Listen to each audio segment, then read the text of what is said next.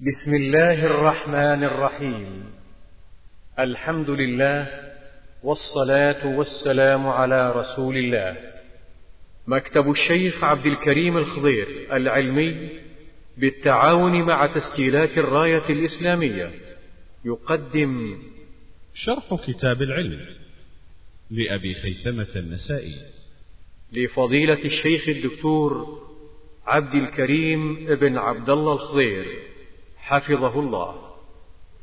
السلام عليكم ورحمة الله وبركاته. الحمد لله رب العالمين صلى الله وسلم وبارك على عبده ورسوله نبينا محمد وعلى آله وصحبه أجمعين. هذا يقول من عبد الله الذي يروي عنه أبو عبيدة؟ أبو عبيدة بن عبد الله بن مسعود. فعبد الله هذا أبو عبد الرحمن. عبد الله بن مسعود بن غافل الهذلي ابن أم عبد صحابي شهير من جلة الصحابة وخيارهم وبعضهم يرى أنه إذا أطلق عموما عبد الله في السنة إذا أطلق واشتبه ولم يتعين لم يستطع الباحث تعيينه أنه ابن مسعود. يعني من خلال التلاميذ ما استطاع أن يبين. إذا اشترك الراوي عن العبادلة مثلا وابن مسعود فينصرف الذهن إلى ابن مسعود. فإذا أطلق عبد الله انصرف إليه. فضلا عن كونه يروي عنه ابنه أبو عبيدة. يقول الصوت في بداية الدرس ضعيف ولم نفهم سبب ذكر أبي خيثمة في بداية السند. أقول هذه طريقة المتقدمين في التصنيف. طريقة المتقدمين في التصنيف يذكر المؤلف بل قد يذكر الراوي عن المؤلف في أثناء الكتاب. وهذه الطريقة موجودة إلى نهاية المئتين وبداية القرن الثالث ثم بعد ذلك صاروا يقتصرون على ذكر شيوخ المؤلفين. فلا يذكر المؤلف ولا يذكر من يروي عنه. يقول ألقي معكم في إذاعة القرآن موضوع عن مكتبة طالب العلم فأطلب منك إعادة هذا الموضوع باختصار حول الكتب التي لا بد من توفرها عن طالب العلم لعل هذا يكون في الوصايا التي تكون في آخر هذه الدورة إن شاء الله تعالى. يقول كثر في الآونة الأخيرة السب والطعن في العلماء وطلبة العلم ما نصيحتكم؟ قل الطعن في المسلمين عموما أعراض المسلمين كما يقول ابن دقيق العيد حفرة من حفر النار. صلى الله السلامة والعافية والغيبة. جاءت النصوص القطعية من الكتاب والسنة على تحريمها والتعظيم من شأنها. وإذا كانت في من نفعه في الأمة ظاهر كانت أعظم. كان شأنها أعظم. قرر أهل العلم أن لحوم العلماء مسمومة.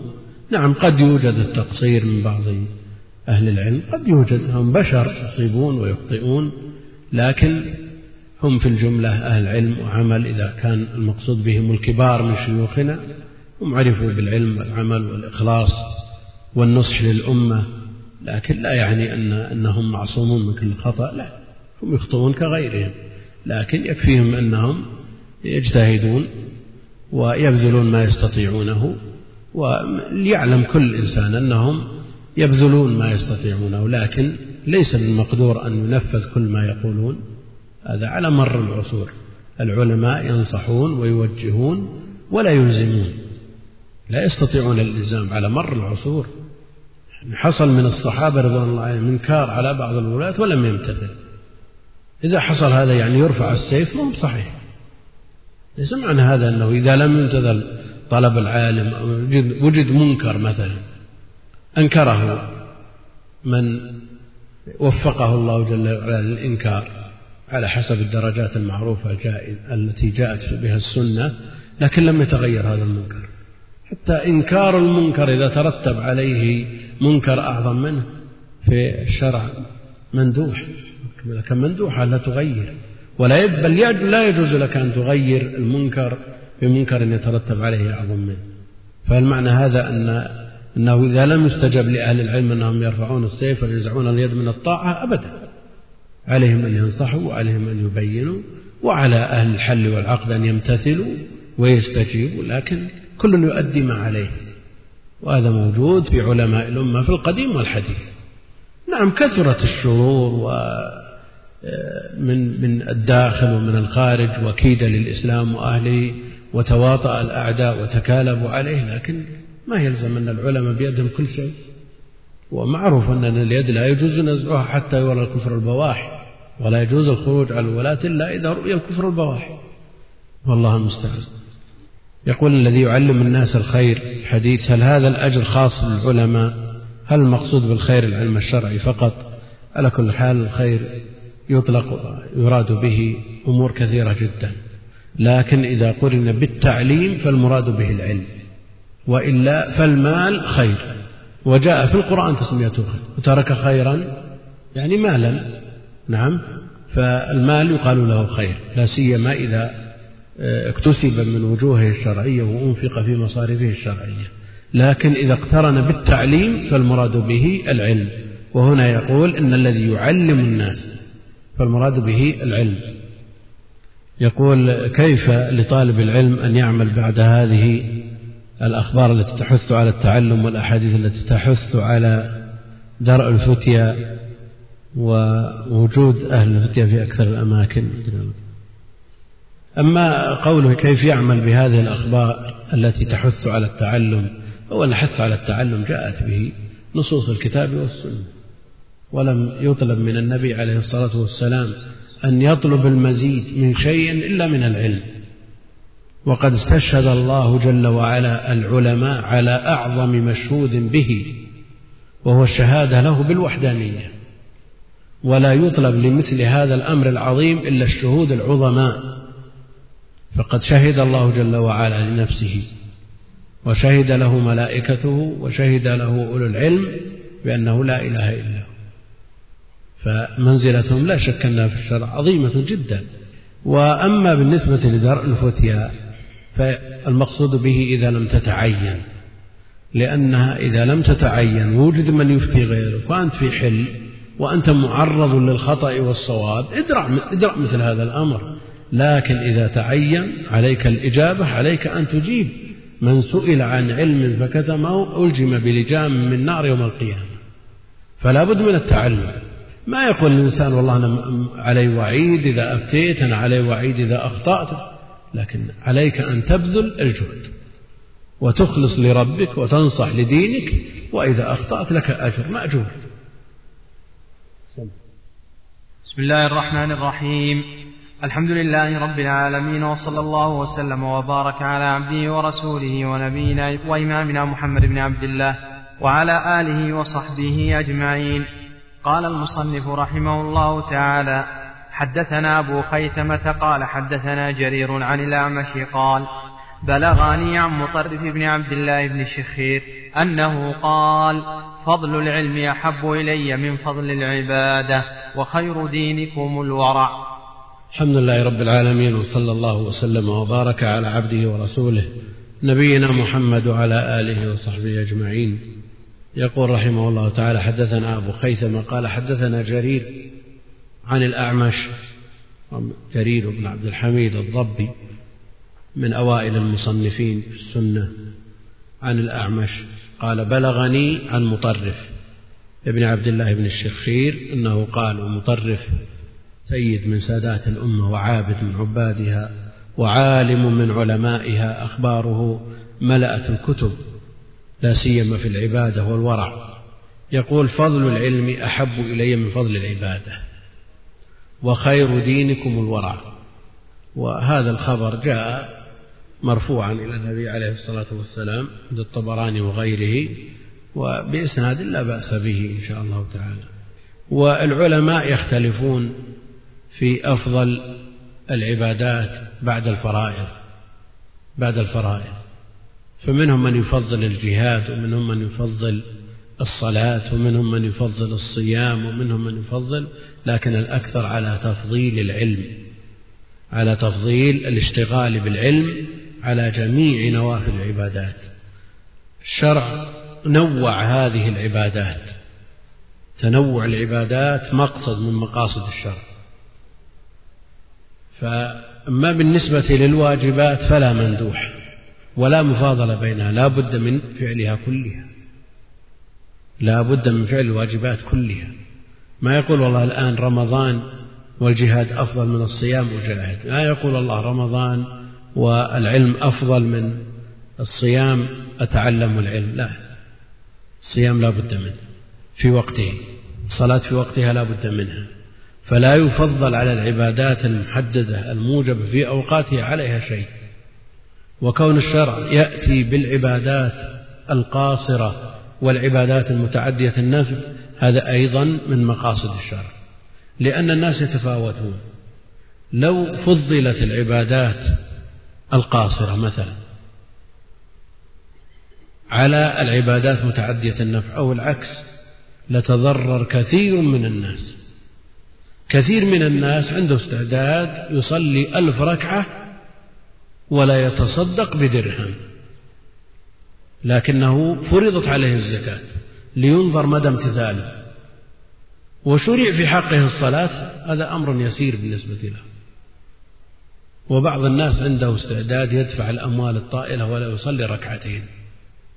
فتنوعت العبادات في الشرع ليدلي ويسهم كل مسلم منها بسهمه. فتنوع العبادات من مقاصد الشرع. هذا بالنسبة للواجبات لا مندوحة من الإتيان بها ولا مفاضلة بكل شيء في وقته المحدد له. لكن ما زاد على ذلك ما زاد على الواجبات يأتي التفضيل عند أهل العلم. وكل من فتح له باب خير فليلزمه. فليلزمه لأنه يأتي إليه مقبل راغب منشرح الصدر. فمن فتح له في الصلاة أعني على نفسك بكثرة السجود. الصيام من صام يوما في سبيل الله باعد الله وجهه عن النار سبعين خريفا. الزكاة من أنفق كذا إلى آخره. لكن بعض الناس ينشغل بالأمور المتعدية والنفع المتعدي وينفع هذا وينصح هذا ويتقدم لهذا نقول نعم النفع المتعدي في الجملة يعني في الغالب أعظم أجرا لكن ليس على إطلاقه. ليس معنى هذا أنك تهمل نفسك من العبادات الخاصة. وإلا لو نظرنا في أركان الإسلام لوجدنا الصلاة أفضل من الزكاة وأعظم منها مع أن نفعها قاصر وهذه متعدي فليست المسألة على إطلاقها. إذا فتح للإنسان باب خير باب من أبواب الدين. فتح له ونشط للصلاة. صار ما يتعب. صلي مئة ركعة مئة ركعة في اليوم. نقول الحمد لله هذا باب من أبواب الخير والحمد لله أنك وفقت لهذا العمل. فتح له باب الصيام وسهل عليه بينما غيره يشق عليه أن يصوم في مثل هذه الأيام. من الناس من يصوم صيام داود. نقول هذا وفق خير عظيم. يلزم هذا الباب. ولن يحرم أجره وقد يلج الجنة من, من, من هذا الباب. لكن في الجملة في العموم العلم من أفضل نوافل العبادات. العلم. ولذا يقول أفضل فضل العلم أحب إلي من فضل العبادة. لأنه مصحح للعبادات. لأن العبادات بدون علم قد تكون على الوجه غير المرضي في الشرع. قد تكون مع خلل قد تكون مع فقد شرط مع ارتكاب مبطل من غير علم. لكن إذا تعلم وعبد الله على بصيرة تضاعفت أجوره في جميع أبواب الدين. قل هل يستوي الذين يعلمون؟ والذين لا يعلمون. إنما إيش؟ تذكر وهذا جاء بعد إيش؟ هذا الكلام ما جاء عبث تذييلا لقوله أمن هو قانت آناء الليل ساجدا وقائما يحذر الآخرة ويرجو رحمة ربه قل هل يستوي الذين يعلمون والذين لا يعلمون؟ لأنه لا نتصور أن هناك عالم ما يتعبد أبدا. ما يتصور لأنه متى يسمى عالم. من خلال هذه الآية واضحة. أمن هو قانت آناء الليل ساجدا وقائما يحضر الآخرة ويرجو رحمة. قل هل يستوي الذين يعلمون والذين لا يعلمون؟ معناه أن الذي يقوم يقوم الليل قانت آناء الليل أوقات الليل ساجد وقائم يصلي لله جل وعلا. نعم يقطع الليل بالصلاة والتلاوة والذكر التذييل قل هل يستوي الذين يعلمون الذي هذه أفعالهم والذين لا يعلمون الذين لا يفعلون هذه الأفعال. فالعلم مقرون بالعمل. مقرون بالعمل. فضل العلم أحب إلي من فضل العبادة. يعني أنت بالخير أنت أمامك ساعة. ساعة. جالس المغرب في المسجد. هل الأفضل أن تصلي؟ صلي في المغرب ثلاثين ركعة مثلا. تقول صلي ثلاثين ركعة بين الصلاتين أو أقرأ أربعة أجزاء من القرآن أو أحرر لمسألة علمية والمراجع بين يديك. أنت بين الخيارات. أيهما أفضل؟ الأخير نعم العلم. تحرر هذه المسألة. لماذا؟ لكي تصحح لك ما احترت فيه من الصلاة ومن التلاوة ومن الصيام من, من الحج من غيره. هذا هو السبب. فضل العلم أحب إلي من فضل العبادة وخير دينكم الورع. وهنا تنقطع الأعناق. خير دينكم الورع. هذا الذي يشكل على كثير من الناس. وأحيانا تكون الأمور سهلة يمكن تجاوزها. مبالغ يسيرة تشك فيها تترك تتركها لكن إذا كانت مئات الملايين وسبيل الحصول إليها فيه ما فيه تتورع ولا هذا الامتحان هذا الابتلاء من يتورع عن مثل هذا؟ إلا القليل النادر. هو موجود في السلف كثير ويوجد والله الحمد ما زال لكن هو عند بعض الناس أظهر من بعض. يقول حسان بن أبي سنان ما رأيت شيئا أهون من الورع ما رأيت شيئا أهون من الورع دع ما يريبك إلى ما لا يريبك. هذا سهل ذا لكن في نظره مو وجهة نظر من وجهة نظره صحيح. ما رأيت شيئا أهون دع ما يريبك. سفيان الثوري إمام من أئمة المسلمين في الزهد والورع والعلم والعمل. يقول هذا الذي يقوله حسان نعم بالنسبة له سهل لكن لغيره لنا مثل سفيان يقول صعب. ولا شك أن الناس ومنازل ومقامات أقول الناس لهم منازل ومقامات وكل له منزلته ومقامه. ولذلك لو قيل لك أن فلان من الناس ختم كل يوم قلت مستحيل. يصلي ثلاثمائة ركعة الإمام أحمد يصلي ثلاثمائة ركعة في اليوم ولا قلت مستحيل.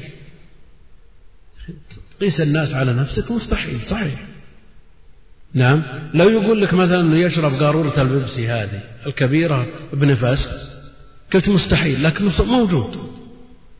كل إنسان على ما وطن نفسه وتعود عليه.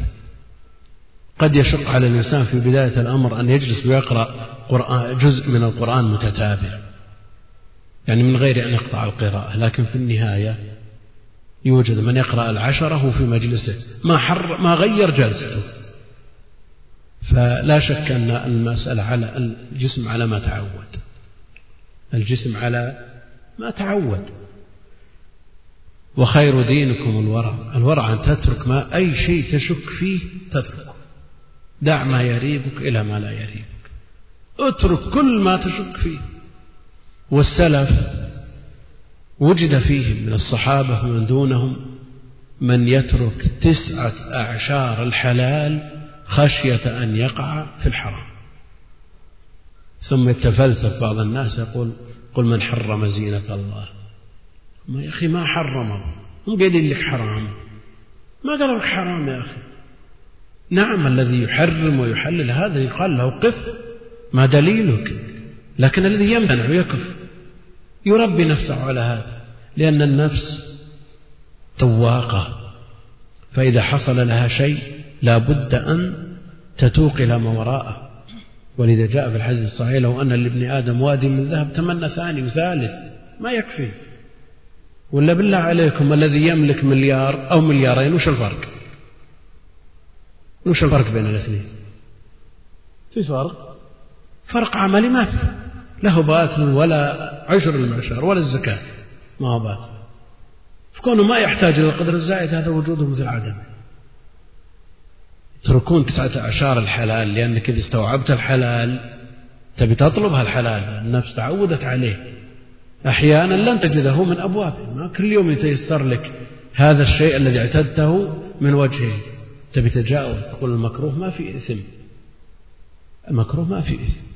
ثم تجرؤ على المكروه ثم بعد ذلك قد تحتاجه وتضطر إليه ما تجد إلا من طريق محرم. والنفس خذت عليه. قد يكون الإنسان في أول الأمر لا يقدم على محرم. صريح. لكن مع الوقت مع الوقت يسهل عليه. لأنه مع كثرة الإمساك تقل الإحساس. ولازم تجدون كثير من الأخوان كثير لا أقول الجميع الذين صاروا في المقاولات. تجد في أول الأمر من أورع الناس ووجد منهم من صار نصاب. وش يصير؟ يصير أول أول الأمر يتحرى عنده حسابات دقيقة أنا أخذت عمارة من فلان كشف حساب مستقل ودراهمه لها رقم خاص والثاني كذلك والثالث والرابع والخامس. أعطاه هذا الأول مبالغ ما يحتاجها اليوم يحتاجها الثاني. صار يقترض من هذا لهذا. سهل عليه الأمر. سهل عليه التصرف في أموال الناس. ثم صار يحتاج هو لنفسه. حوائج البيت والله انقصت اليوم. عندنا حساب الفلان جالس متى ما بغاه ومتى ما احتاجه أطلع ثم بعد ذلك مع الوقت مع الوقت تتساهل. فالورع الورع وحزم النفس وأطرها على الوقوف عند حد الله جل وعلا هذا خير الدين لكنه من أشق الأمور إلا على من استراه الله عليه مثل ما يقول. ما رأيت شيئا أهون من الورع وذكر في ترجمته أمور لأن, لأن النفس مجموعة ملكات مجموعة آه، يعني مجموعة متراكمة من من أمور يكمل بعضها بعضا. هل تظن الذي يقول ما رأيت شيئا أهون من الورع مخل في صلاته أو مخل بصيامه أو؟ لا لا أبدا. هذا أمور متكاملة عنده يدعم بعضها بعضا ويسهل بعضها بعضا. فلا يتصور من إنسان يتساهل بالصلاة يقول بس بحصل علم لا يمكن. أو مقصر في صيام أو يتناول بعض المحرمات وبيعان. لا أبدا. لابد أن تتعرف على الله جل وعلا في الرخاء ليعرفك في مثل هذه الأمور في الشدائد. سم. الله حدثنا أبو خيثمة قال حدثنا جرير عن الأعمش عن سليم عن حذيفة رضي الله تعالى عنه قال بحسب المرء من العلم أن يخشى الله عز وجل وبحسبه من الكذب أن يقول أستغفر الله وأتوب إليه ثم يعود. يقول رحمه الله تعالى حدثنا أبو خيثمة قال حدثنا جرير عن الأعمش عن سليم عن حذيفة قال بحسب المرء من العلم أن يخشى الله عز وجل. العلم الشرعي الذي جاءت النصوص بالحث عليه هو العلم المورث للخشية. العلم المورث للخشية. إنما يخشى الله من عباده العلماء. إنما أتت حصر إنما يخشى الله من عباده العلماء. فالعلم الذي يورث الخشية هو العلم الشرعي المطلوب بالنصوص. قد يوجد من ممن يزاول العلوم الكونية مثلا أو العلوم التطبيقية. يوجد من الأطباء من أورثه علمه خشية الله جل وعلا. يوجد هذا. ومن خلال طبه صار واعظا بارعا وبضاعته من العلم الشرعي قليلة إلا أنه أخذ ليدعم ما يقوله من علوم تجريبية ومن خلال مشاهدات ومواقف بالنصوص الشرعية وإلا في الأصل ما عنده وصار من أبرع الناس. لماذا؟ لأنه تأمل في هذا المخلوق الذي دخل فيه شيء من خفاياه في قلبه مثلا. وهذا الباب باب عظيم جدا. والطب المورث للخشية داخل في قوله جل وعلا وفي أنفسكم أفلا تبصرون. ابن القيم رحمه الله تعالى لما تكلم على هذه الآية أتى بالعجائب والأطباء من خلال المشاهدة وقع لهم أمور مذهلة أمور مذهلة وهناك مواقف يعانيها الأطباء. ومن يزور المرضى؟ ما يلزم أن يكون طبيب لكن لو الإنسان وقد جاء الشرع بالحث على زيارة المريض يرى العجائب يرى إنسان لا يحس بشيء ولا يشعر بشيء البتة مغمى عليه. فإذا جاء وقت الأذان انتبه أذن. أجد من يحصل له حادث بحيث يفقد الدنيا بالكلية ويسمع القرآن منه واضح. لأنه صاحب قرآن يرى مثلا بعض الناس إذا جاء وقت إقامة الصلاة استقبل القبلة وكبر. هم بالعناية مغمى عليه. لأنه صاحب صلاة. وهكذا. فالعلم الحقيقي هو المورث لخشية الله جل وعلا. أما العلم الذي لا يورث الخشية فليس بعلم. بحسب المرء من العلم أن يخشى الله عز وجل. أن يخشى الله ويتقي الله. والخشية والخوف باب عظيم من أبواب الدين.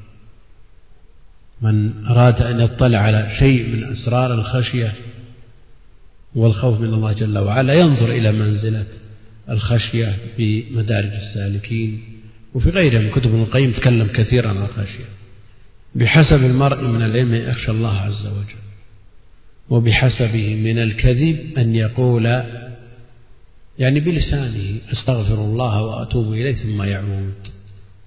يعني يعصي الله جل وعلا ثم يقول أستغفر الله ثم يعود. هذا يسمى كذب لأنه يخالف الواقع يخالف الواقع. لكن الإنسان مفترض فيه أنه غير معصوم تقع منه الهفوة وتقع منه الزلة وهو مأمور بالاستغفار. والنبي عليه الصلاة والسلام يستغفر الله جل وعلا في اليوم أكثر من مئة مرة. وفي المجلس قد يستغفر الله سبعين مرة فالاستغفار مطلوب. وفي الحديث الذي فيه مقال من لزم الاستغفار جعل الله له من كل هم فرج ومن كل ضيق مخرج. وجاء في الباب قوله تعالى وما كان الله ليعذبهم وأنت فيهم وما كان الله معذبهم وهم يستغفرون فالاستغفار يدفع الله به الشرور والآفات ويرفع الله به الدرجات ويحط به الخطيئات فهو مطلوب ومع ذلك نستغفر.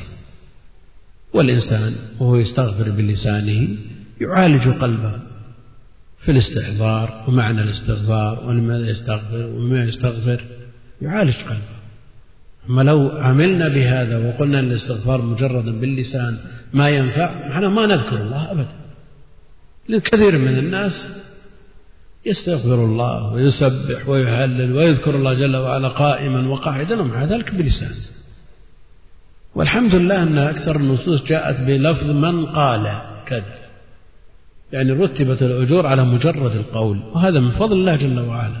كونك تستحضر يستحضر قلبك لهذه الأذكار قدر زائد على مجرد القول. ولذا كان الأجر المرتب على قراءة القرآن هو مجرد النطق. بالقرآن على الحروف فقط لكل حرف عشر حسنات لكن تدبرت لك أجر قدر زائد رتلت لك أجر زائد استنبطت لك أجر زائد عملت لك أجر زائد كل شيء بأجر. كل هذا في كتاب لا يغادر صغيرة ولا كبيرة إلا يحرص الإنسان فالمراد من كلام حذيفة هنا الذي يستغفر وهو مصر على الذنب. يستغفر هذا لا شك أنه كذاب لأنه يخالف لكن من استغفر؟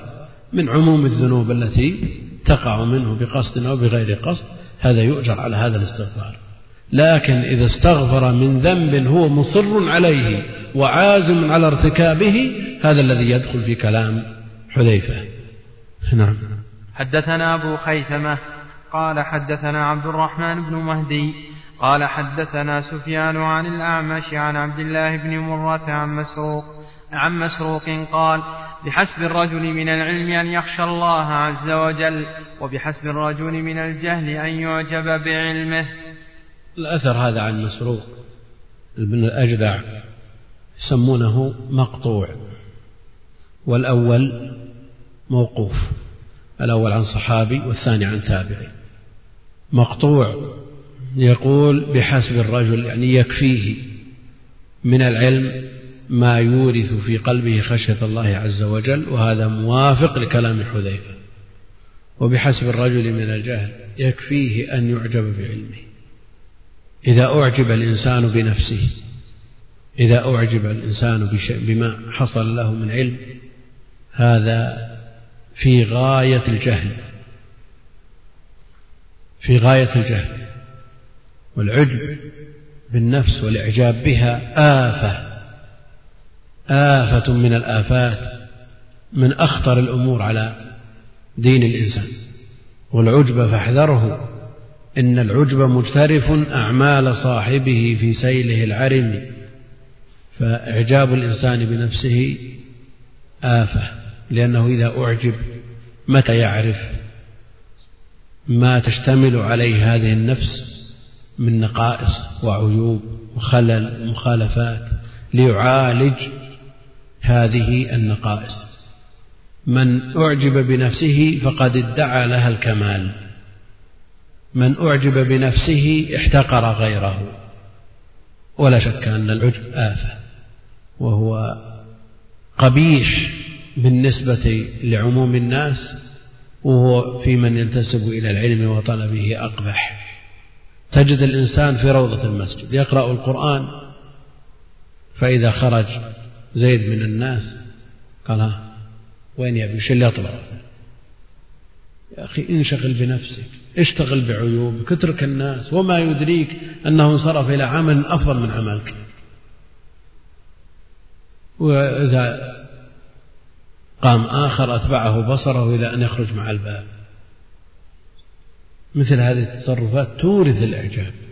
فعلى الإنسان أن يغفل عن عيوب الناس وينشغل بعيبه. نعم إذا لاحظت على أحد شيء بينك وبينه تسدي له النصيحة والدين النصيحة. أما أن تتبعه نظرك وتلقه بلسانك هذا ليس من شأن المسلم فضلا عن طالب علم. والله المستعان. نعم.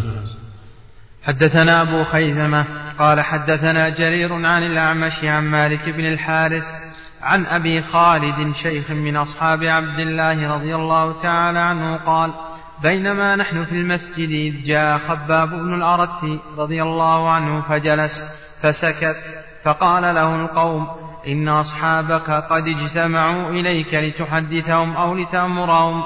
قال بما آمرهم فلعلي آمرهم بما لست فاعلا. يقول حدثنا أبو خيثمة قال حدثنا جرير عن الأعمش عن مالك بن الحارث عن أبي خالد. شيخ من أصحاب عبد الله قال سمي ولا ما سمي؟ ها؟ إيه لا مجهول مجهول مجهول. شيخ من أصحاب عبد الله لكن يكفيه أنه من أصحاب عبد الله بن مسعود. نعم.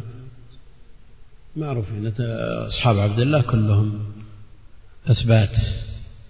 قال بينما نحن في المسجد إذ جاء خباب بن الأرت الصحابي الجليل فجلس فسكت.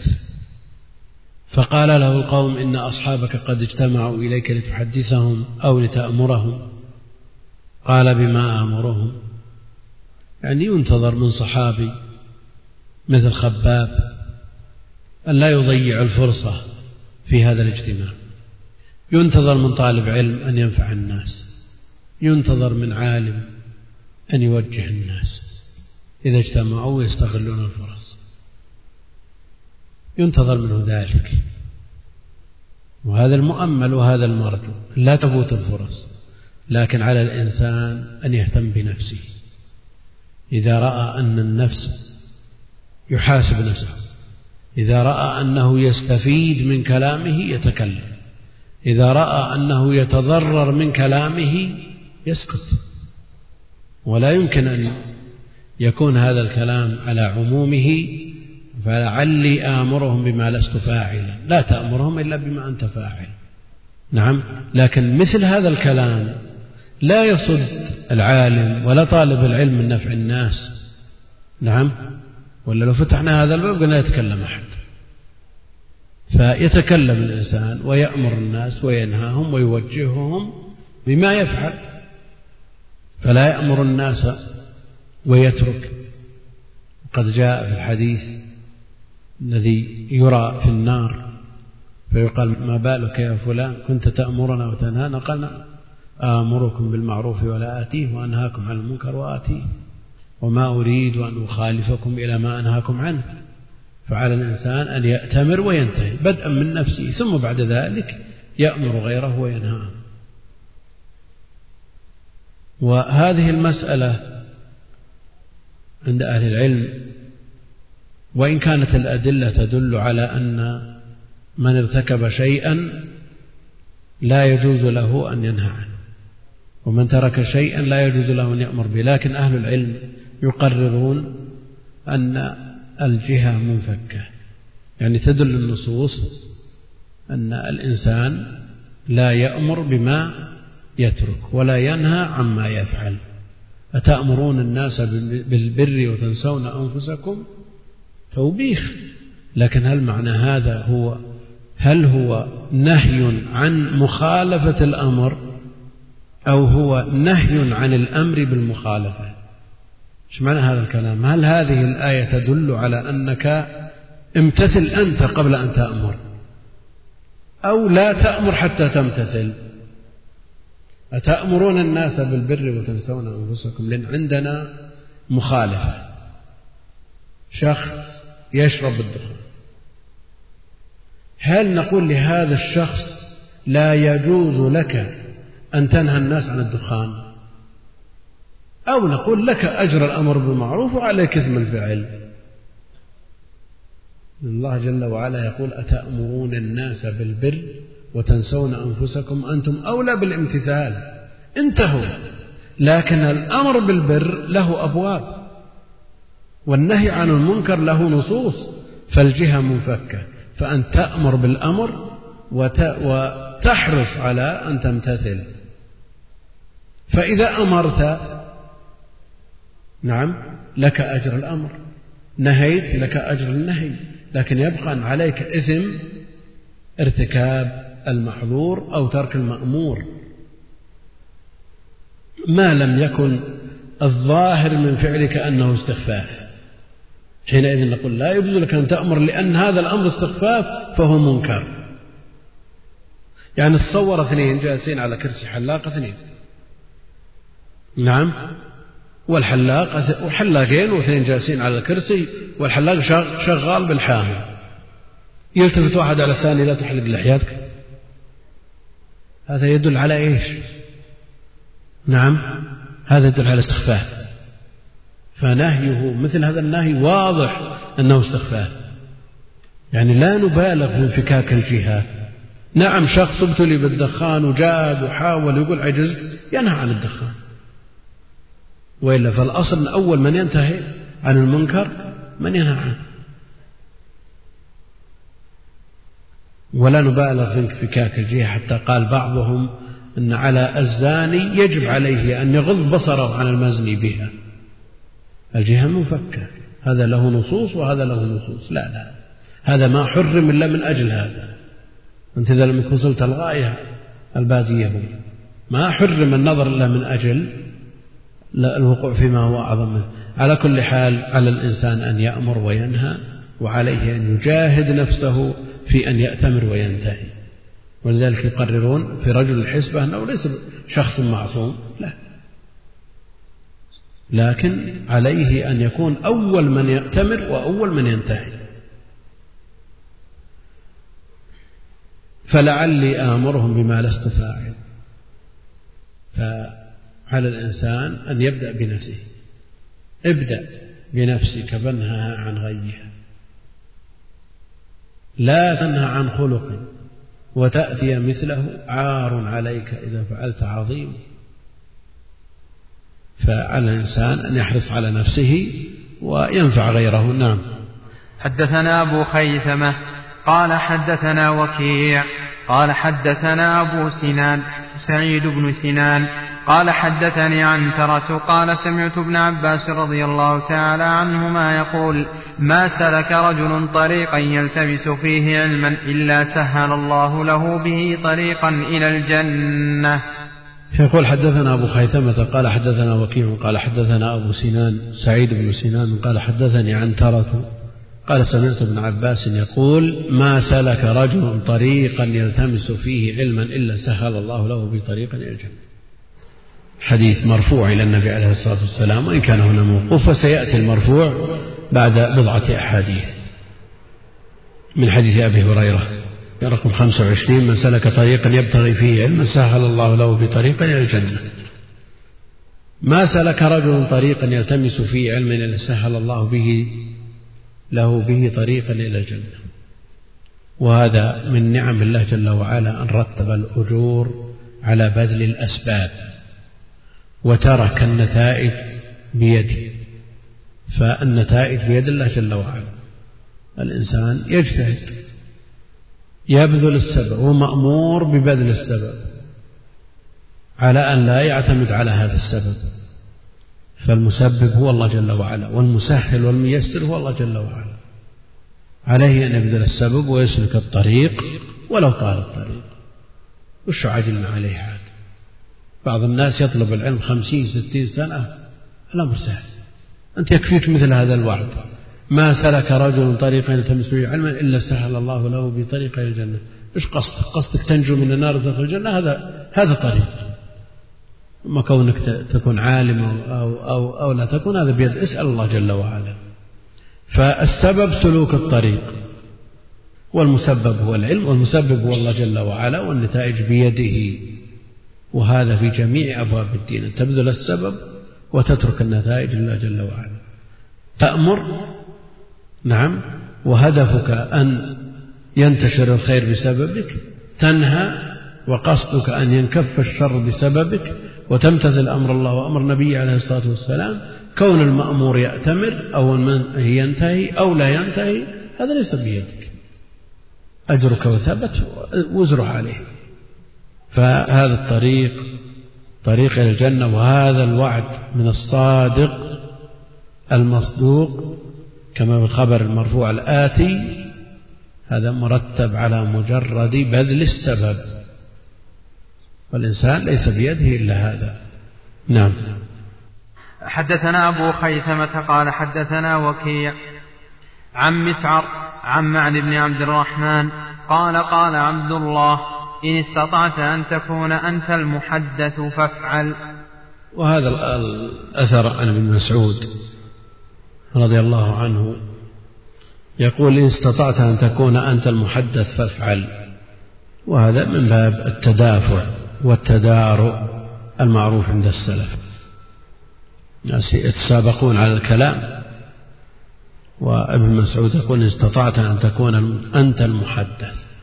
أنت المستفيد من غيرك فافعل. لكن هل هذا يضطرد؟ يستمر الإنسان طول عمره يستمع للناس ولا يفعل شيء؟ لا يعني إذا وجد الأقران الذين ينفع بعضهم بعضا احرص على أن تكون مستفيد. أما إذا وجد عالم وجاهل فيحرص أن يكون هو المفيد العالم والمستفيد الجاهل. ما نقول للعالم انتظر خل هذا يتكلم. نعم. أو نقول للصغير للكبير انتظر خل هذا لا لا لكن إذا وجد أقران وكأنه يوصي أصحابه وهم من طبقة واحدة وعلى درجة واحدة وكل واحد عنده من العلم ما ينفع به غيره فليحرص الإنسان على أن يستفيد لأن أهم مع الإنسان نفسه. وفي هذا أيضا آه، كبح لجماح كثير من الناس الذين يريدون أن يتصدروا. ويريدون أن يستلموا المجالس دون غيرهم. وبعض الناس يستلم المجلس بفائدة وبغير فائدة. نقول لا يا أخي احرص على أن تستفيد من غيرك بقدر الإمكان. لا سيما إذا وجدت مع من هو أولى منك. أولى منك بالكلام. دعه يتكلم تستفيد أنت ويستفيد غيرك. أو أكبر منك سنا. نعم اترك المجال للكبير كبير القدر الكبير السن. ثم بعد ذلك إن وجد لك مجال كلم إذا وجد عندك علم تظن إن دراسه أو لا يحمله إلا أنت عليك أن تؤديه نعم.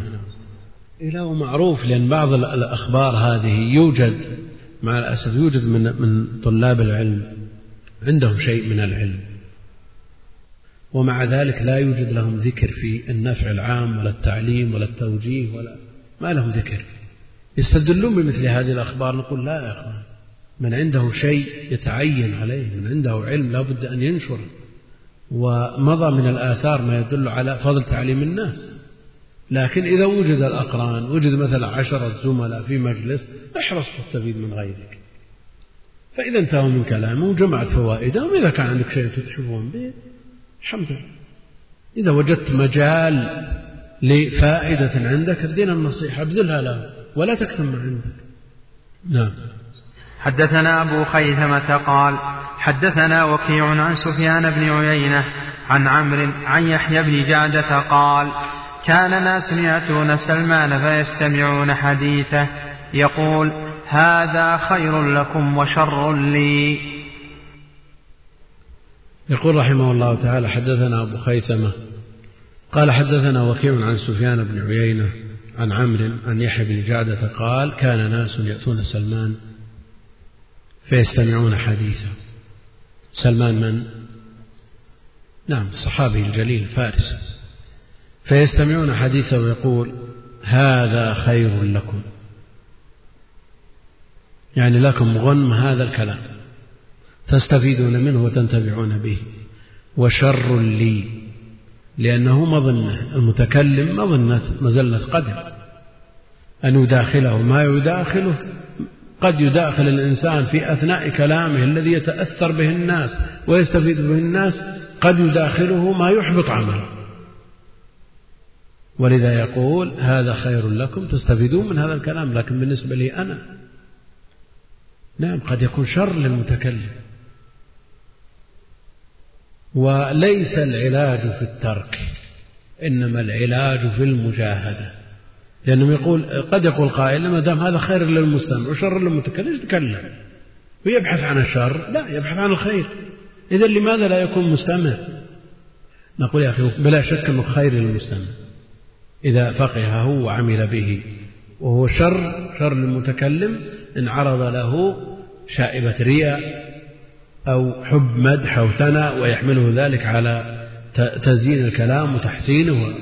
هذا لا شك أنه شر له.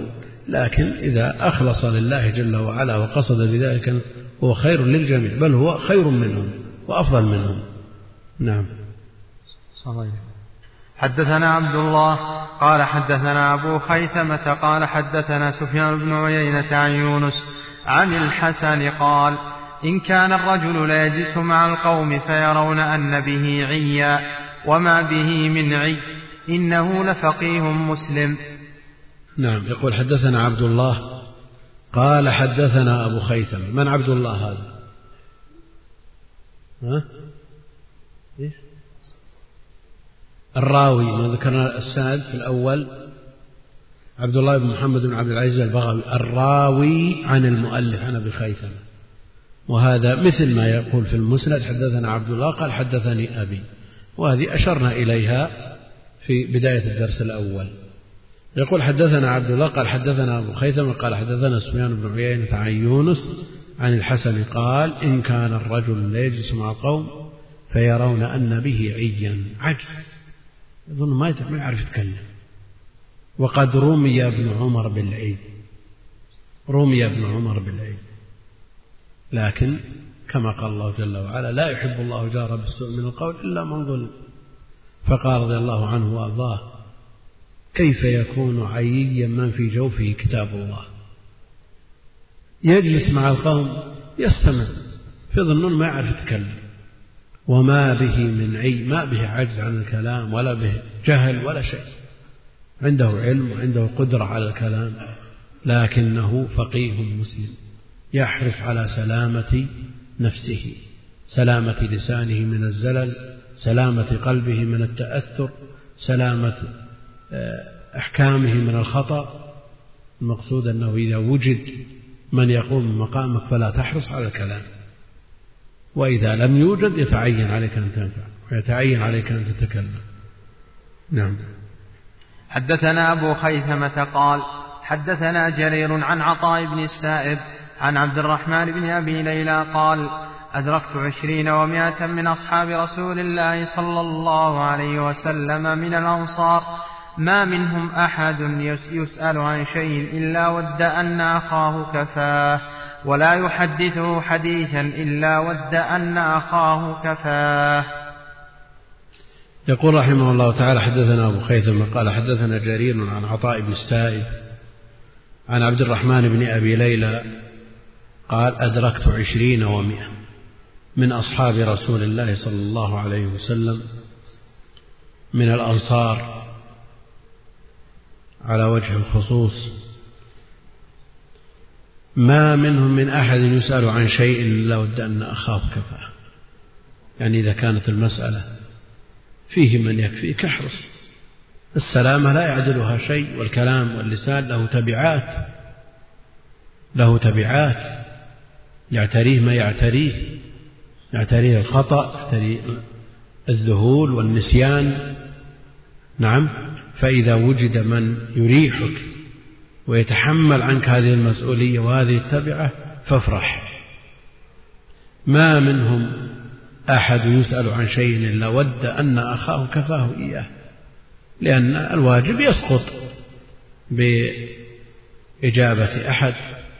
ممن تبرأ الذمة بإجابته لكن ليس معنى هذا أن الكفء يتأخر ليتصدر غير الكفء.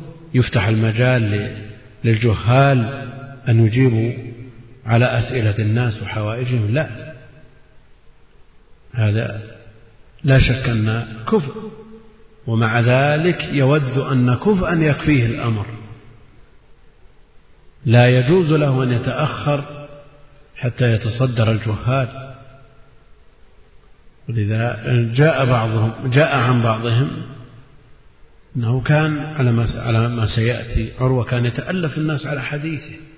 وبعضهم يقول اسألوني لأنه لا يرى من يقوم مقامه. إذا تعين عليه الأمر لا بد أن يقوم به.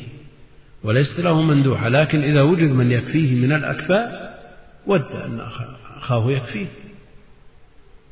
لأن الكلمة لها تبعة وعليها حساب. فليحرص الإنسان على التقلل بقدر الحاجة إذا وجد من يكفيه. ولا يحدثه حديثا إلا ود أن أخاه كفاه. نعم لأن حتى الحديث عن النبي عليه الصلاة والسلام مزلة قدر قد يزيد وقد ينقص وقد يهم وقد. إذا كان بعض أهل العلم يرى أن من يلحن في حديث النبي عليه الصلاة والسلام يدخل في حديث من كذب علي متعمدا فليتبوأ مقعده منه. يعني لو قال قائل إنما قال الرسول صلى الله عليه وسلم إنما الأعمال بالنيات قلنا كذبت. كذبت على الرسول ما قال إنما الأعمال بالنيات. إنما قال إنما الأعمال بالنيات. في مثل هذه الأمور تجعل الإنسان حساسية بالغة من أن يحدث عن إلا عن الله جل وعلا أو عن رسوله بشيء يجزم بأن هذا مراد الله جل وعلا من كلامه أو هذا مراد النبي عليه الصلاة والسلام من حديثه يجزم به هذا مزلة قدم. ولذلك أهل العلم الكبار يتوقون الكلام في النصوص. وجاء في القرآن من قال في القرآن برأيه فقد أخطأ وإن أصاب؟ وجاء الوعيد الشديد على من كذب على النبي عليه الصلاة والسلام ولذا كان أهل التحري من الأئمة الكبار الأثبات كالإمام أحمد وغيره يتحرون ويتوقون الكلام في الحديث لأن الذي يشرح الحديث يقول هذا مراد الرسول عليه الصلاة والسلام من هذا الكلام. وقد لا يصيب المراد فيتقول على الرسول ما لم يقل الإمام أحمد يسأل عن الغريب فيقول يسأله أبا عبيد ويسأل الأصنعي عن معنى كلمة معروفة في لغة العرب الجار أحق بصقبه فيقول أنا لا أفسر كلام رسول الله صلى الله عليه وسلم. لكن العرب أزعم أن الصقب اللزيق يعني الجار الملاصق هكذا تزعم العرب. شخص يحفظ مئات الألوف من الأبيات من لغة العرب التي هي ديوان العرب والتي فسروا بها الكلام العربي من نصوص الكتاب والسنة ومع ذلك يقول هذا الكلام. وقد وجد من أهل العلم لأن أهمية العربية لطالب العلم لا تخفى على أحد. وجد من أهل العلم من يقول أنه أخذ مدة طويلة ثلاثين ومدري أربعين سنة يفتي الناس من كتاب سيبويه واحد منا يجلب كتاب سيبويه ما في ولا حكم شرعي لكنه بكتاب سيبويه يفهم النصوص.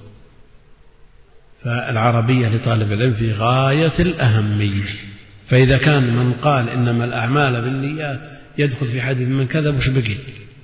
كيف الناس اللي ما تسعفهم الحافظة يتخمطون جيلان هات يسمع كلاما يظنه خبرا فيصنته ولا يحدث حديثا إلا ود أن أخاه كفاه لأن المسألة مسألة تبعة ومسألة نقاش.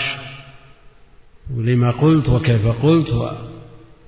لابد ومن لم يحسب كلامه من عمله هلك. نعم. صلى الله عليه حدثنا أبو خيثمة قال حدثنا سفيان عن الزهري قال كان عروة يتألف الناس على حديثه. يقول رحمه الله تعالى حدثنا أبو خيثم قال حدثنا سفيان عن الزهري قال كان عروة بن الزبير التابعي الجليل أحد الفقهاء السبعة المعروفين متفق على إمامته وجلالته فخذهم عبيد الله عروة قاسم سعيد أبو بكر سليمان خارجة أحد هؤلاء الفقهاء السبعة وواحد منهم يتألف الناس على حديثه. إذا رأى العالم من الطلاب شيء من الإدبار والانصراف والفتور لا بد أن يتألفه لا بد أن يتألفه إشفاقا عليهم وإرادة لهم ونصحا لهم. لا لتكثر الجموع عليه. إذا لا يختلف مع ما قلنا سابقا أن الإنسان يبحث عما يكفيه. المؤونة نعم يبحث عن من يكفيه المؤونة. يفرح إذا قيل أن الشيخ الفلاني العالم الفلاني عنده مئات عنده ألوف يفرح. لكن إذا وجد هو في بلد ما وعنده عشرين طالب ثلاثين طالب ثم أخذوا ينقصون من باب الشفقة عليهم أن يتألفهم ويحثهم على الحضور وأحيانا ييسر لهم الأمر بأن يهديهم الكتب التي يحتاجونها بأن يلين لهم الكلام. المقصود أنه يتألفهم لا ليكثر الجمع عنده. ليس معنى هذا أنه ليصرف وجوه الناس إليه لا إنما لينتفعوا لينفعهم بما عنده ليثبت له أجر التعليم ويثبت لهم أجر التعلم ويتعاونوا على البر والتقوى لا أكثر ولا أقل. نعم. صلى الله عليه وسلم. حدثنا أبو خيثمة قال حدثنا سفيان قال قال عمرو لما قدم مكة يعني عروة قال ائتوني فتلقوا مني نعم. قد يكون الإنسان في وقت أو في مكان أو في ظرف لا يوجد من يقوم مقامه والناس لا يعرفونه والناس لا يعرفونه وبحاجة إلى يصل إلى بلد لا يكون معروفا فيها ويجد الجهل المطبق في هذا البلد وعنده شيء من العلم لا مانع أن يبين لهم الواقع من باب مجرد الإخبار أنه عنده شيء من العلم بفن كذا أو بباب كذا ويتألفهم ويطلب منهم أن يقرأوا عليه. وش المانع؟ لأن المسألة مسألة إفادة ولا يرجو بذلك إلا وجه الله جل وعلا. ولذا كان عروة ائتوني فتلقوا مني. نعم علم لا يضيع هذا العلم. يعني مثل ما الإنسان يسعى أن يسجل كلامه لينتفع منه من لم يسمعه يحرص على أن ينتفع منه من حوله. فلا ضير في أن يقول الإنسان إذا كان في بلد لا يعرف فيه قدره أن أن يبين لهم أنه يحسن هذا الشيء. نعم يحسن هذا الشيء فيود أن يتلقى عنه هذا العلم وإن حصل بالتعريض أو بالتعرض كان أولى من التصريح. يعني لو أبدى لهم شيء من الفوائد أو, أو بين لهم وقصده بذلك أن ينشر ما عنده من علم لينفع وينتفع بعلمه لا شيء في ذلك. نعم فضل يعني بدلا من أن يبقى مركونا لا يستفاد منه نعم يريد أن ينشر العلم. ونشر العلم عبادة وتعليم الناس من أفضل العبادات. وجد هذا الشخص هذا العالم في بلد الناس بحاجته وهم لا يعرفونه يتعرض لهم أو يعرض. إن اضطر إلى التصريح يصرح لأن الأمور بمقاصده. الأمور بمقاصده. لكن إذا وجد من هو أولى منه بالتحديث أو من يكفيه أمر الحديث لا يحرص على هذا. نعم. حدثنا أبو خيثمة قال حدثنا معاوية بن عمرو. قال حدثنا زائدة عن الأعمش عن مالك بن الحارث عن عبد الرحمن بن يزيد قال قيل لعلقمة ألا تقعد في المسجد فيجمع إليك وتسأل ونجلس معك فإنه يسأل من هو دونك. قال فقال علقمة إني أكره أن يوطأ عقبي. يقال هذا علقمة هذا علقمة. يقول حدثنا أبو خيثمة قال حدثنا معاوية بن عمرو قال حدثنا زائدة عن الأعمش عن مالك بن الحارث عبد الرحمن بن يزيد قال قيل لعلقمة ابن نعم النخعي ألا تقعد في المسجد فيجمع إليك يعني يجتمع إليك الناس فيأخذون عنك؟ وعادة السلف الفرار من الشهرة. وارتهار الأمر واجتماع الجموع والفئام يكرهون هذا ويفرون منه ولا يتعرضون ولا يعرضون أنفسهم. لكن إذا حصل ف وقد حصل لكثير منهم من يحضر عنده الألوف لكنهم يكرهون هذا أشد الكراهية لأن هدفهم أن يستفاد من علمهم وينتشر علمهم من غير أن توطأ أعقابهم ويجتمع الناس إليهم ويتبعونهم في المشي يمشون وراءهم. هذا ليس بالمقصد. من كان هدفه هذا ولا شك أن في نيته شيء. من كان هدفه الكثرة ومنغضب من القلة أو أثرت فيه الكثرة والقلة هذا في نفس الشيء. وبعض الناس إذا قيل له لماذا لا تدرس؟ قاضي في بلد ما يوجد غيره. مثلا لماذا لا تنفع وتنتفع؟ تنتفع أنت قبل الطلاب وتنفع. الطلاب يقول الله يا أخي ما عندنا طلاب. جلسنا لهم أول ما جينا جلس عشرة طلاب ما يسون من, من, من يفتح لهم كتاب. ثم بعد يوم جاء رمضان انقطع انقطع خمسة. يوم جلسة الحج ما جل يا أخي يكفيك واحد واحد يكفيك يقع عليك. واحد يكفي. الكثرة ما هي ما, ما هي بعبرة. يأتي النبي وليس معه أحد. النبي معه الرجل والرجلان. أفضل من الأنبياء. الأمر الثاني أن هذه مرحلة امتحان. الله جل وعلا يختبرك يختبر ثباتك يختبر صدقك. واحد الآن من كبار أهل العلم يحضره يعني درس الفجر يحضره ألف. وغيره أكثر وأكثر. أنا أدركت ما حضر عنده إلا واحد وهالواحد ما هو سعودي بعد. مسألة امتحان. امتحان هذا محك للشيخ وللطالب. كلهم اختبروا وتعرضوا لمرحلة الامتحان فإذا ثبت الإنسان وعرف الله من الصدق يبشر. فهذا علقمة ومن كبار علماء الأمة. يقال ألا تقعد في المسجد فيجمع إليك وتسأل؟ نعم فيه من يكفيه. أهل العلم متوافرون. ونجلس معك فإنه يسأل من هو دونك. قال فقال علقمة إني أكره أن يوطأ عقب.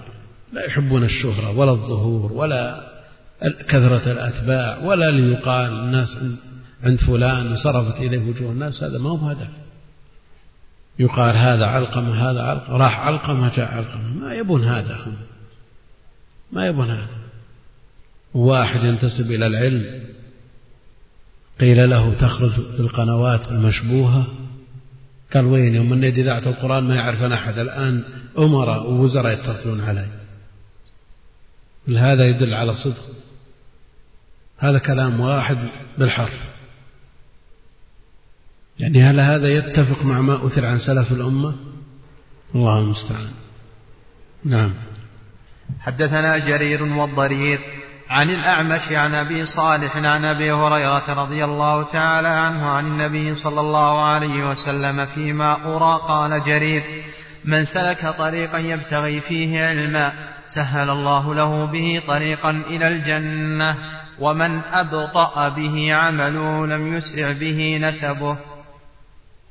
يقول رحمه الله تعالى أبو خيثمة حدثنا جرير بن عبد الحميد والضرير هو محمد بن خازم أبو معاوية الضرير يقول عن الأعمش عن أبي صالح عن أبي هريرة عن النبي عليه الصلاة والسلام فيما أرى قال جرير. هذا من التحري.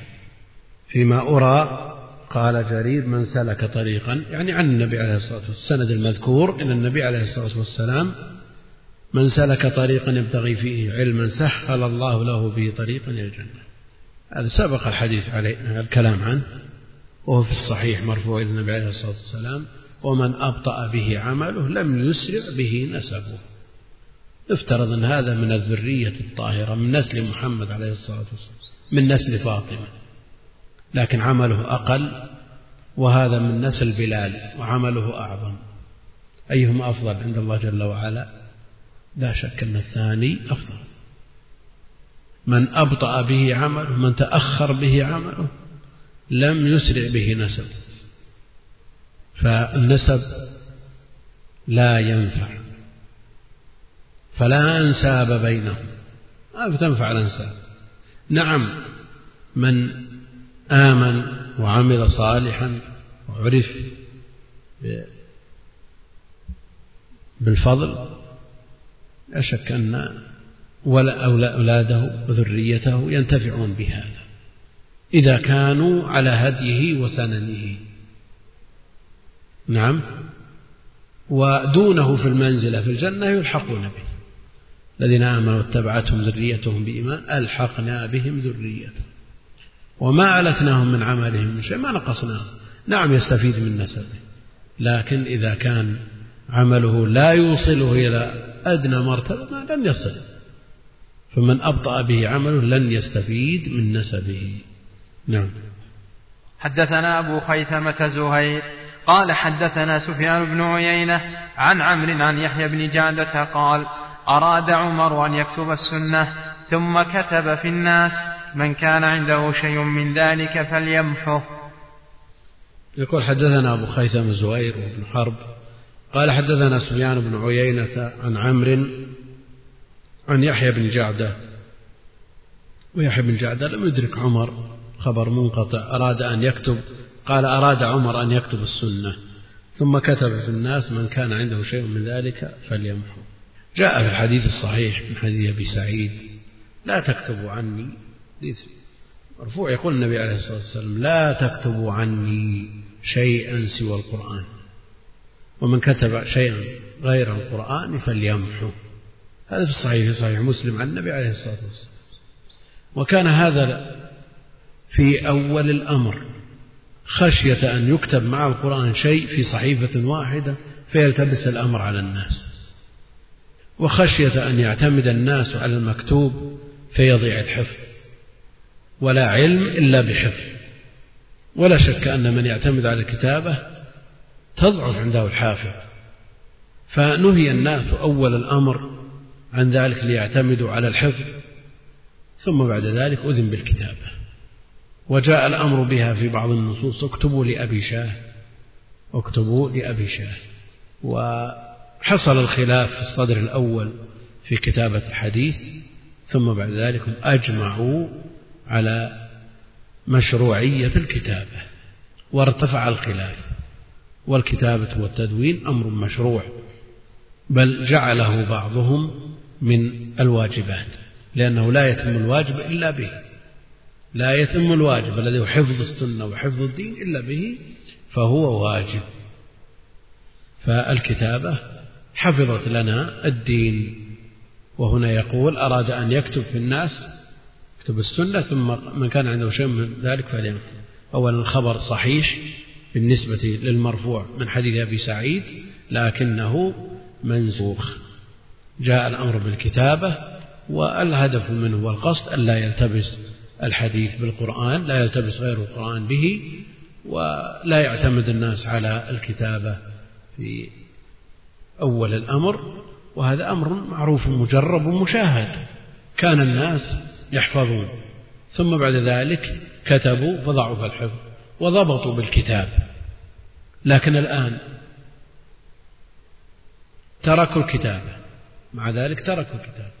اعتمدوا على الآلات فضعف التحصيل جدا. الآن تجد الإنسان لا يحفظ رقم والده تلفون والده ما يحفظ لماذا؟ لأنه خزنه في الجوال يضغط رقم وخلاص يطلع رقمه. لما اعتمد على هذه الآلة قبل يحفظون. الإنسان يحفظ اللي يحتاجه بيحفظه لكن إذا سجله خلاص ما بحافظ إذا خزنه بالجوال افتح الله ما في شيء. يسأل الإنسان عن رقم أبيه أو عن رقم أمه يقول والله ما أدري لكن سهل يعني عندنا قريب. كل شيء له أثر على التحصيل كل شيء له أثر على الحافظة. لو الناس يحفظون من أول من أول ما يسمعون لأنهم يهتمون بالحفظ ما في بديل. ثم انتشرت الكتابة اعتمد الناس على الكتابة ضعف الحفظ. ضعف الحفظ لأنه خلاص ما دام مدون ليش تكلف نفسك الحفظ والكتابة لا شك أنها حفظت العلم وحفظت لنا الدين ومن عانى الكتابة استفاد فائدة عظيمة. لكن الكلام على الذي يعتمد على كتابة غيره. ثم بعد ذلك جاءت المطابع. صارت تزف بألوف الكتب. الكتاب في عشرة مجلدات. كان الإنسان إذا أراد كتاب يستعيره من زميله من من شيخه من كذا يجلس له يومين ثلاثة مثل هذا ينسخه خلاص ينتهي. لكن إذا انتهى من النسخ أفضل من قراءة الكتاب عشر مرات. نعم. طيب. لو ما يعرف يكتب ولا في كتابة ولا أذن بالكتابة يبي يمسك ويحفظه. هذا أفضل. لكن الآن الكتابة انتهت. اعتمد الناس على المطابع. يجي بالكتاب عشرة مجلدات عشرين مجلد آخر عهده إذا رصه في الدالون في درج الكتب. المطابع أثرت في التحصيل بلا شك. يعني هي نعمة من نعم. لو وفرت الكتب والإنسان الجاد يدرك لكن كثير من الطلاب إذا ضمن الكتاب وأغفل عليه الدالون قال خلاص هذا غاية جهده فأثر هذا ويسر تحصيل الكتب. وكثرة الكتب لا شك أنها مع أنها نعمة لكنها مشغلة عن التحصيل مشغلة عن التحصيل. ثم بعد ذلك ظهرت هذه الآلات الإنترنت وغيره والكمبيوتر وما أدري إيش صار الإنسان لا يكلف نفسه شيء. إذا أراد مسألة ضغط زر طلعت عنده المسألة من مصادرها بالجزء والصفحة. لكن مش وش الحصيلة وش النتيجة؟ النتيجة أنه يطلع عليه وهو جالس مثل ما يمر على لوحات المحلات وهو بسيارته. كم يبي يحفظ من لوحة نعم؟ ما يحفظ شيء. لكن لو كان بالمراجعة أراد المسألة وراجع الكتب كم يستفيد من فائدة قبل أن يصل إلى مسألته؟ يستفيد عشرات المسائل كثير منها أهم من مسألته التي يبحث عنها.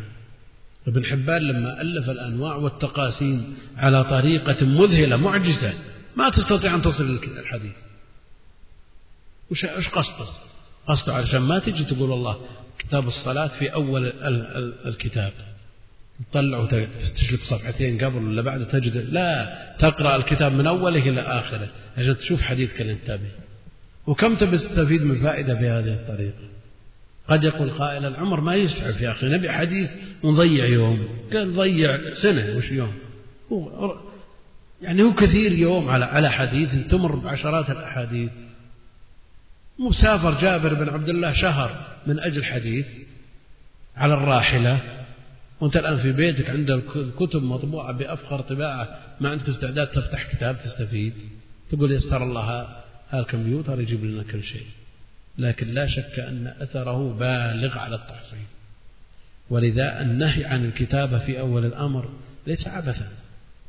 وحرص العلماء على حفظ الصدر حتى منع بعضهم من حفظ الكتاب وجعله لا ليس بحفظ ولا يعتمد على الكتاب. نعم. هذه أسئلة وردت إلينا من ليبيا عن طريق الإنترنت. يقول السائل بعد السلام يقول السلام عليكم فضيلة الشيخ. مر علي بعض الأحاديث ولم أجد لها شرحا. أرجو من فضيلتكم توضيحها لي. منها عن عبد الله بن عمرو رضي الله تعالى عنهما عن رسول الله صلى الله عليه وسلم قال من قرأ القرآن فكأنما استدرجت النبوة بين جنبيه. غير أنه لا يوحى إليه ومن قرأ القرآن فرأى أن أحدا أعطي أفضل مما أعطي فقد عظم ما صغر الله وصغر ما عظم الله وليس ينبغي لحامل القرآن أن يسفه في من يسفه. هكذا شكلت. أو يغضب في من يغضب أو يحتد في من يحتد ولكن يعفو ويصفح بفضل القرآن رواه الطبري. الحمد لله رب العالمين وصلى الله وسلم وبارك على عبده ورسوله نبينا محمد وعلى آله وصحبه أجمعين. بعد هذه أسئلة جاءت من من خارج المملكة وكلها في الغالب عن القرآن. من قرأ القرآن هذا يذكر في فضائل القرآن مستفيض عند أهل العلم. من قرأ القرآن فكأنما استدرجت النبوة بين جنبيه ومعناه صحيح. ومعناه صحيح لأن القرآن نزل على النبي عليه الصلاة والسلام وهو كتاب الإسلام الأول ودستوره الخالد الذي لا يأتي الباطل من بين يديه ولا من خلفه. كأنما استدرجت النبوة بين جنبيه يعني أصول الدين كلها موجودة في القرآن. ما فرطنا في الكتاب من شيء. وما جاء عنه عليه الصلاة والسلام إنما هو مبين للقرآن وموضح للقرآن وشارح للقرآن إلا أنه لا يوحى إليه لأن الوحي انقطع بوفاة النبي عليه الصلاة والسلام. ومن قرأ القرآن فرأى أن أحدا أعطي أفضل مما أعطي فقد عظم ما صغر الله لأنه إذا أعطي القرآن ولا شيء أعظم من القرآن وهو كلام الله وفضله على سائر الكلام كفضل الله على خلقه. ولا شك أن ما دون القرآن يصغر بالنسبة للقرآن. وإذا استثنينا ما يبين القرآن ويشرح القرآن من كلام المعصوم عليه الصلاة والسلام فبقية الكلام كلا شيء بالنسبة لكلام الله جل وعلا. من أعطي الدنيا بحذافيرها والدنيا لا تساوي عند الله جناح بعوضة. قد صغرها الله صغرها نبيه عليه الصلاة والسلام. وصار أمرها كذلك ووضعها كما شرح عند العقلاء عند العقلاء. وركعة الفجر خير من الدنيا وما فيها والدنيا كلها لا تزن عند الله جناح بعوضة فمن رأى أن من أعطي الملايين بل أعطي المليارات بل من جاءته الدنيا بحذافيرها أفضل ممن أعطي القرآن فلا شك أن هذا عظم ما صغر الله عظم الدنيا وصغرها الله.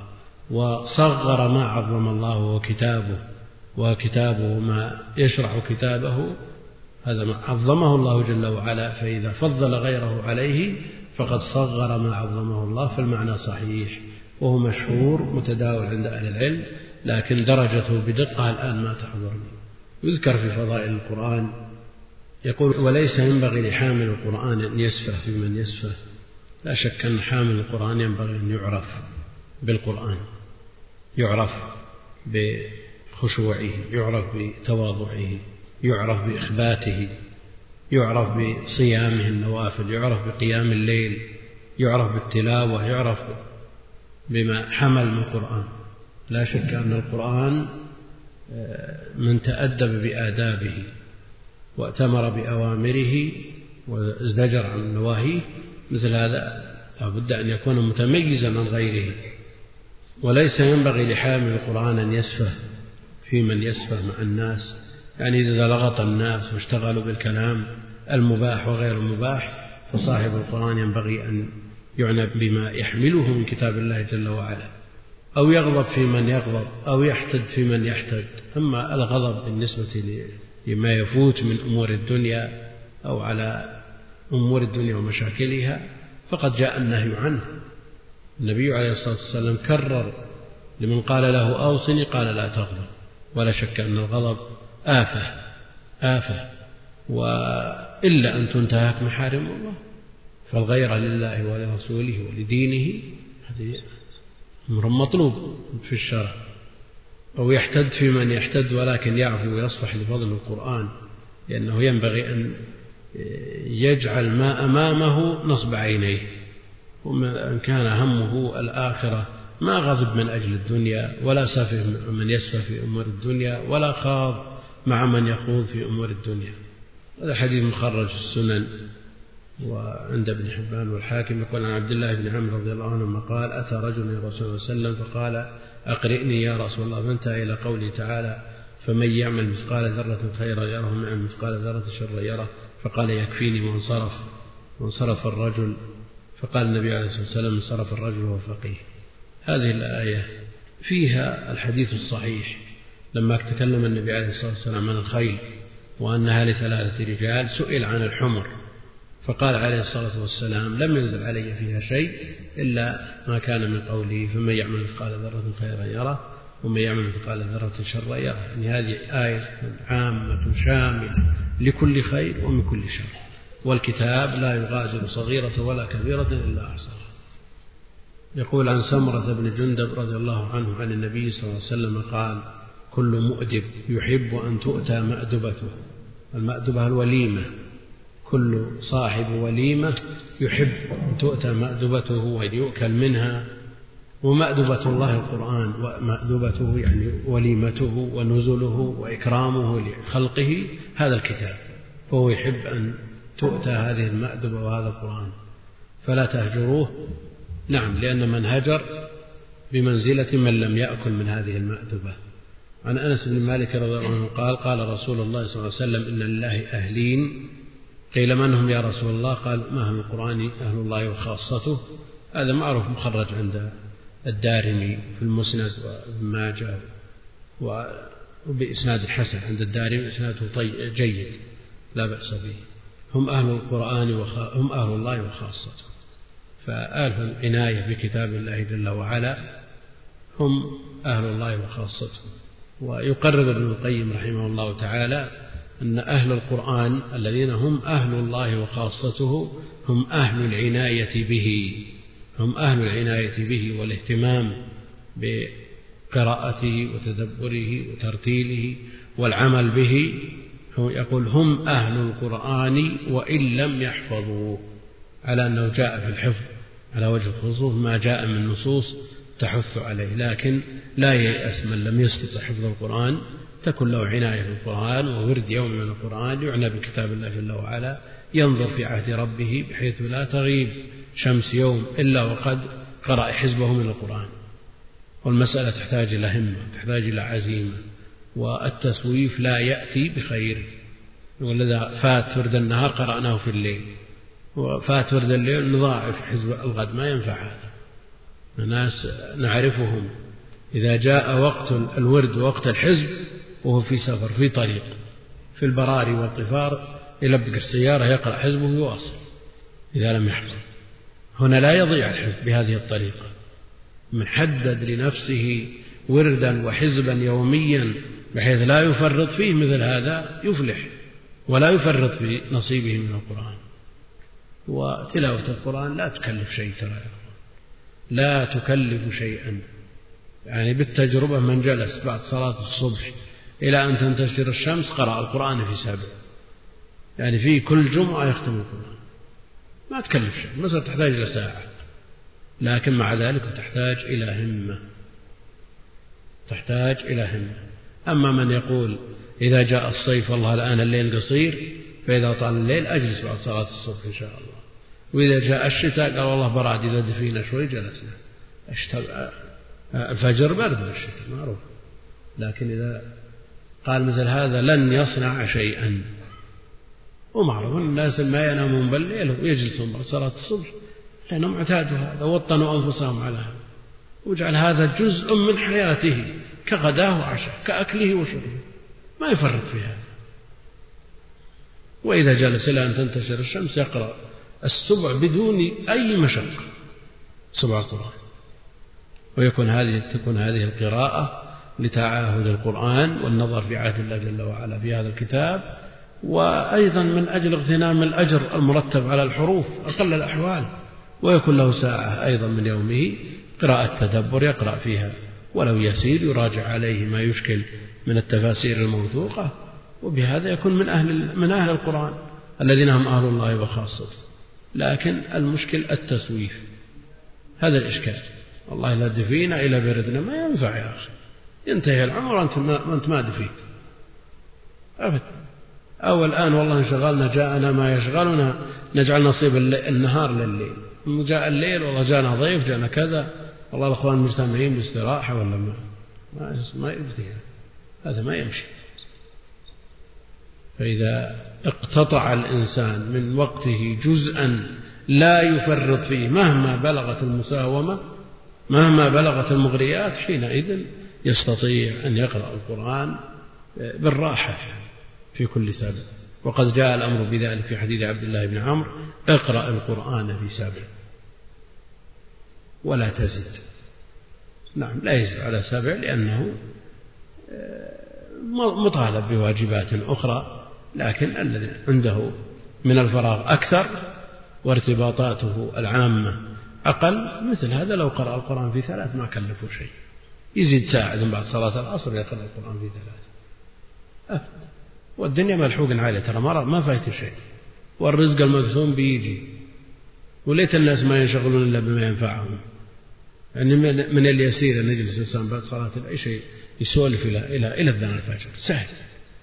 مع الأخوان ومع الأقران ومع الأحباب. يمشي سهل. لكن تقول له اجلس وهو ما تعود يقرأ ما يستطيع والمسألة تحتاج إلى أن الإنسان يري الله جل وعلا منه شيئا في حال الرخاء ويتعرف عليه في حال الرخاء بحيث إذا أصابه شدة أو مأزق أو جاءه ضائق أو شيء يعرفه الله جل وعلا. تعرف على الله بالرخاء يعرفك في الشدة. ثم جربت كثير من الأخوان من الخيار من طلاب العلم يهجرون بلدانهم وأهليهم إلى الأماكن المقدسة في الأوقات الفاضلة من أجل أن يتفرغ للعبادة. ثم إذا فتح المصحف يجوز يقرأ يعني مع الجهاد يقرأ جزء بين صلاة العصر وهو جالس ما طلع من المسجد الحرام. إلى أذان المغرب يا الله يقرأ جزء يقرأ ويتلفت ويناظر عسى الله يجيب أحد إن جاب أحد ولا هو قام يدور لأنه ما تعود ما تعود صعب هو بالراحة بعض الناس ما يغير جلسته يقرأ عشرة وهو مرتاح. لأنه تعود. فالمسألة مسألة تعود.